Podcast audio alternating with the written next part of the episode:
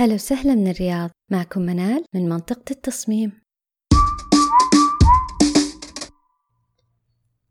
موضوعنا اليوم يختلف عن الحلقات السابقة. نتكلم عن الألوان والخامات والطرز واللي أعتبرها قشرة البيت آخر مرحلة بالتصميم. هالمرحلة الأفضل تتم قبل المرحلة الإنشائية تفاديا لأي تغييرات. التعاون لازم يكون بين المعماري والمصمم الداخلي.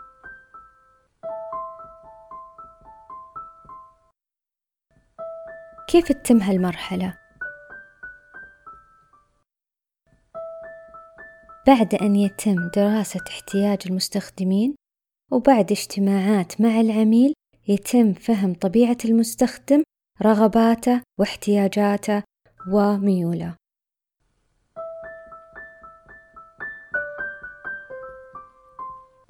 يتم بعدها العصف الذهني من المصمم وليس نسخ ولزق وهنا يبرز الهاوي عن المختص.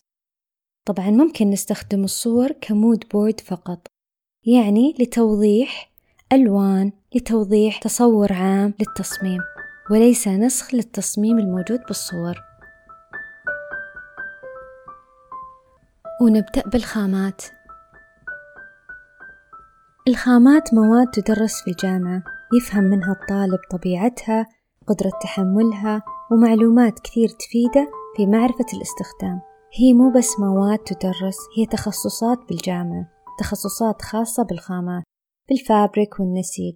بعد ما يفهم المصمم احتياجات العميل وبعد معرفة الخامات المناسبة للمساحة يتم عمل ال material board ودمج الخامات والمواد مع بعض ليظهر صورة مبدئية للتصميم.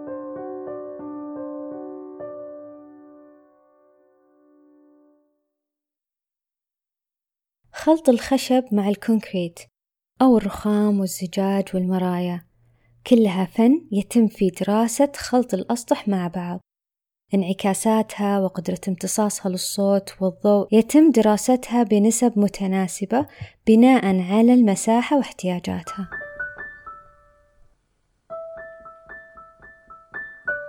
الألوان الألوان مثل ما أنتم عارفين تصغر أو توسع المساحة. الألوان وخلطها مع بعض يعطينا مساحة جميلة أو مساحة غير مقبولة.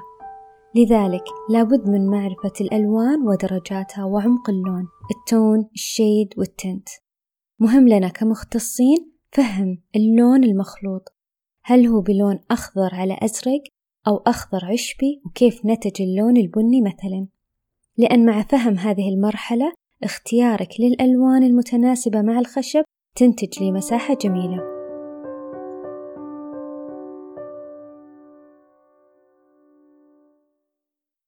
الموضوع يختلف عن صور بنترست وجوجل إيمج اختيارك للصورة وتطبيقها وإن كان ناجح في بادئ الأمر إلا أن النسب والارتفاعات ومعالجة باقي المساحة بيظهر ضعف التصميم. أول ما تسكن تشعر بشيء في التصميم غير مناسب. أبعاد بيتك الجدران أو حتى ارتفاع الأسقف تختلف أكيد عن الصور. طبعا كثير منا كمختصين نتضايق من الأسئلة اللي دائما تجينا أسئلة عن اختيار الأثاث أو التصميم والبيت جاهز. ظنا من السائل أنه يوفر على نفسه أو يتذاكى على المختص. اختيار الأرضية والأصباغ والألوان والأسقف كلها تتم مع تصميم الأثاث والطرز واختيار الخامات.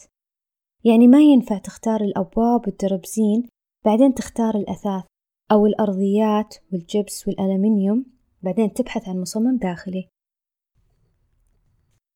دراسة التخصص من أربع لخمس سنوات وفي أكثر من عشر جامعات سعودية أتكلم عن التصميم الداخلي فما بالك المعماري. يظهر لكم أن التخصص مو هواية. وأن أي شخص ممكن يمتهن التخصص.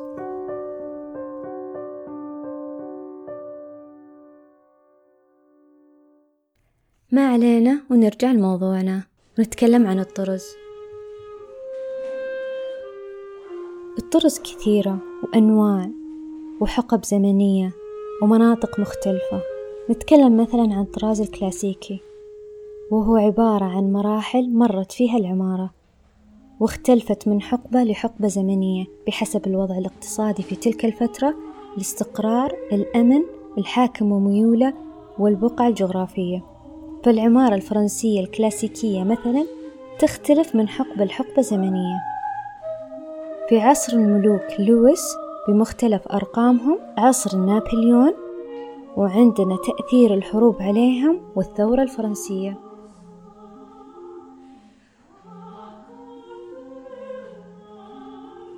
عندنا العمارة الفرنسية عندنا العمارة الإنجليزية العمارة الرومانية والإغريقية وهكذا. كل منطقة مرت بأزمات أثرت على عمارتها. لذلك إذا قلنا كلاسيك لازم نعرف أي حقبة زمنية وهل هي كلاسيكية فرنسية رومانية وهكذا.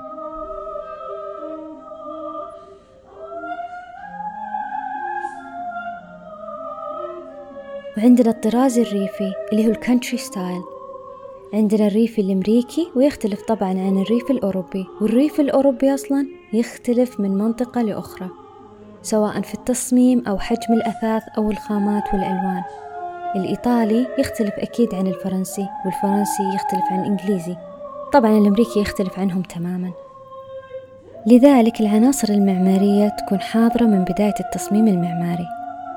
يعني ما ينفع بيت واجهاته حديثة أو فرنسية الهوسمن وداخل البيت طراز ريف إيطالي. نحتاج الأقواس نحتاج الأعمدة النسب الشبابيك كلها مهمة لدمجها مع التصميم الداخلي. وقيسوا عليها أي تصميم.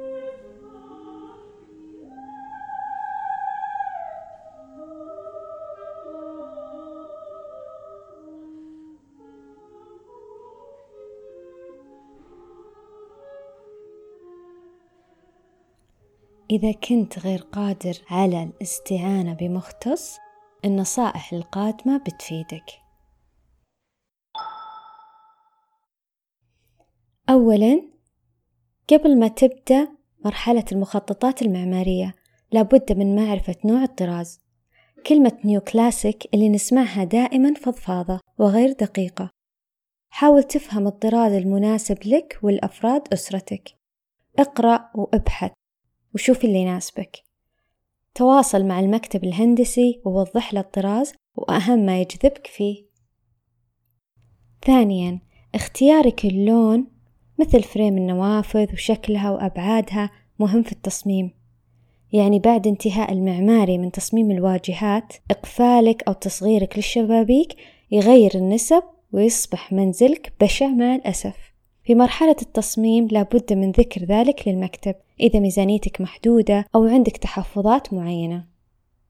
في مرحلة التخطيط المعماري لابد من معرفة ارتفاع الأسقف. الطراز الكلاسيكي يحتاج إلى أسقف عالية مثلا. إذا تركيزك في الطراز على الأسقف لابد من أخذ ذلك بعين الاعتبار. الخامات اختيارك للخامات لا يتم بناء على الأفخم أو الأرخص يعتمد على عدة عناصر أساسية. اللي منها جودة الخامات بالنسبة للاستخدام. إذا كانت مثلا أرضيات لابد من معرفة الأبعاد المناسبة بالنسبة للمساحة. إذا كانت ستاير مثلا لابد من معرفة الأبعاد لهذه الأقمشة وطريقة استخدام النقشات اللي موجودة فيها.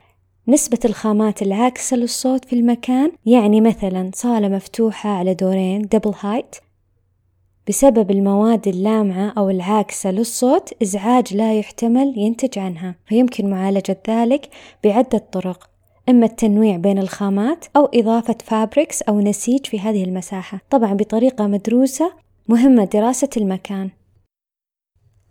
الألوان. الألوان تختلف مثل ما قلنا. اختيارك اللون الخشب الصحيح بناء على الطراز.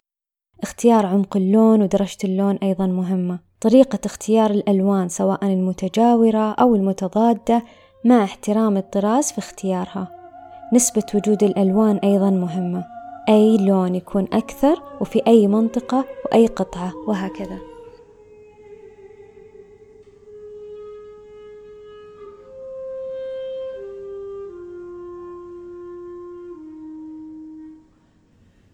بعد هذه النقاط لابد من الاستعانة بال material board وإضافة جميع العينات ودراسة التوافق بين الألوان والطرز لتتضح الصورة.